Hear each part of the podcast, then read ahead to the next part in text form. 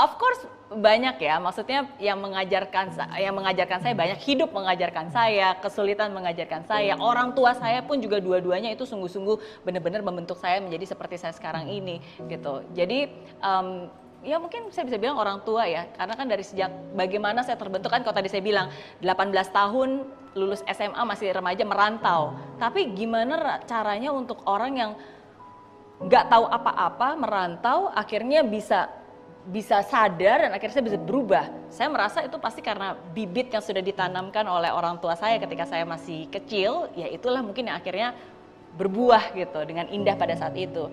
Dari dari papa itu saya sungguh-sungguh belajar arti kerja keras. Jadi ketika saya melihat papa dari sejak kecil gitu, papa itu orangnya kerja keras banget dan tangguh banget dan papa itu orang yang tipe yang kalau misalnya ada barang atau apa pun yang rusak di rumah itu nggak langsung dibuang tapi pasti akan selalu dia coba utak atik dibenerin sampai sampai berhasil gitu makanya kalau zaman zaman saya dulu ada film judulnya MacGyver bagi saya papa itu kayak MacGyver. MacGyver tuh jadi uh, pokoknya dia ditaruh di mana pun juga ada kesulitan, pokoknya barang-barang yang kelihatannya nggak berguna itu wah bisa tiba-tiba berguna berhasil. Nah dan di situlah saya melihat uh, papa itu orangnya tekun kerja keras, jadi nggak mudah untuk membuang hal yang mungkin sudah tidak baik. Um, nah kalau dari mama ya saya belajar tentang kekuatan iman. Ya, jadi dari um, ya dari kecil mama selalu ingetin lah pokoknya bahwa ya apa pun juga kamu harus berserah dan satu kalimat yang paling saya ingat karena ini bekal saya ketika saya ke Singapura. Jadi waktu saya merantau mungkin saya tidak bisa dibekali dengan uang banyak dari orang tua, tapi saya dibekali oleh nasihat-nasihat yang banyak, tulisan-tulisan tangan mama di sebuah buku tulis. Dan di situ saya ingat mama tulis, arahkanlah pandanganmu pada Tuhan, dan dia akan memberikan kamu jalan. Tidak semuanya sekaligus, tapi langkah demi langkah.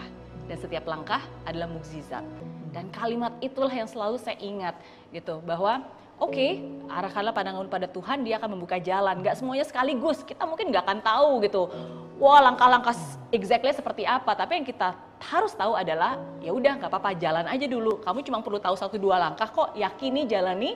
Nanti dari situ kamu juga akan sampai gitu dengan ketujuan kamu. Jadi mungkin itu sih yang sungguh-sungguh um, membentuk saya sehingga menjadi seperti saya sekarang ini.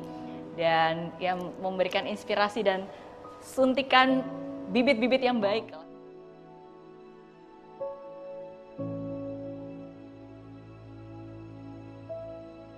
Uh, makanya saya selalu bilang kalau sekarang anda lagi semangat, wah benar nih Miss Mary, oh yes yes yes on fire gitu ya. Ubah semangat ini menjadi komitmen, ubah semangat ini menjadi aksi. Oke, okay, sekarang aksinya apa? Apa yang akan kamu lakukan, janji, dan ubah itu jadi komitmen. Karena komitmenlah itu yang akan membawa kita menuju kesuksesan. Komitmen itu artinya, walaupun Anda nggak semangat, walaupun Anda lagi capek, walaupun Anda nggak ada niat, nggak ada mood, tapi tetap dikerjakan. Nah jadi kalau saya bisa cerita dari pengalaman saya, um, tadi kan saya akhirnya mulai usaha sendiri ya. Pada saat itu nggak punya modal, nggak punya kenalan, nggak punya keterampilan. Yang saya punya hanyalah keberanian waktu dan tenaga pada saat itu. Saya kerja 14 jam tiap hari nonstop 7 hari selama seminggu saya bayar harga kesuksesan itu. Jadi karena pada saat itu saya jualan, nggak punya apa namanya nggak punya uh, kenalan gitu untuk jualan saya approach orang-orang saya nggak kenal di halte bus stasiun MRT gitu dan setiap hari saya punya target 20 presentasi setiap hari kalau nggak saya nggak pulang itu komitmen saya dan saya janji 20 presentasi setiap hari kalau nggak saya nggak pulang. Oke, okay? dan itu saya pegang teguh. Kenapa? Karena saya tahu kalau saya kendor hari ini ah capek 18 ah duanya besok deh besok deh ya saya hanya akan mengendorkan akhirnya nggak disiplin gitu saya tahu cuma itu yang saya punya saya nggak punya modal saya bukan orang yang terakhir kayak raya kalau misalnya gagal ya udah tinggal minta duit dari orang tua enggak gitu. Jadi kalau saya menjaga komitmen saya 20 presentasi setiap hari aja nggak bisa, gimana saya mau bisa mencapai mimpi-mimpi saya yang lain?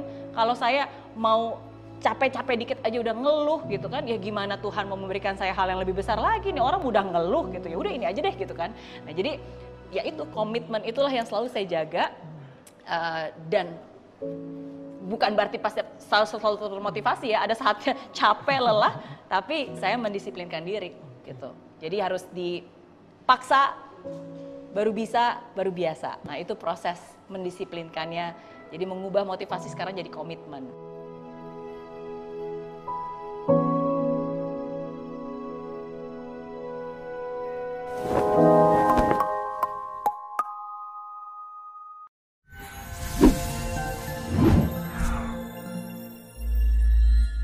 Di aplikasi Mary Riana tersedia lengkap video-video YouTube terbaru saya, artikel yang up to date, quotes inspirasi, koleksi merchandise, workshop dan seminar yang bisa kamu dapatkan free dan download sekarang juga gratis.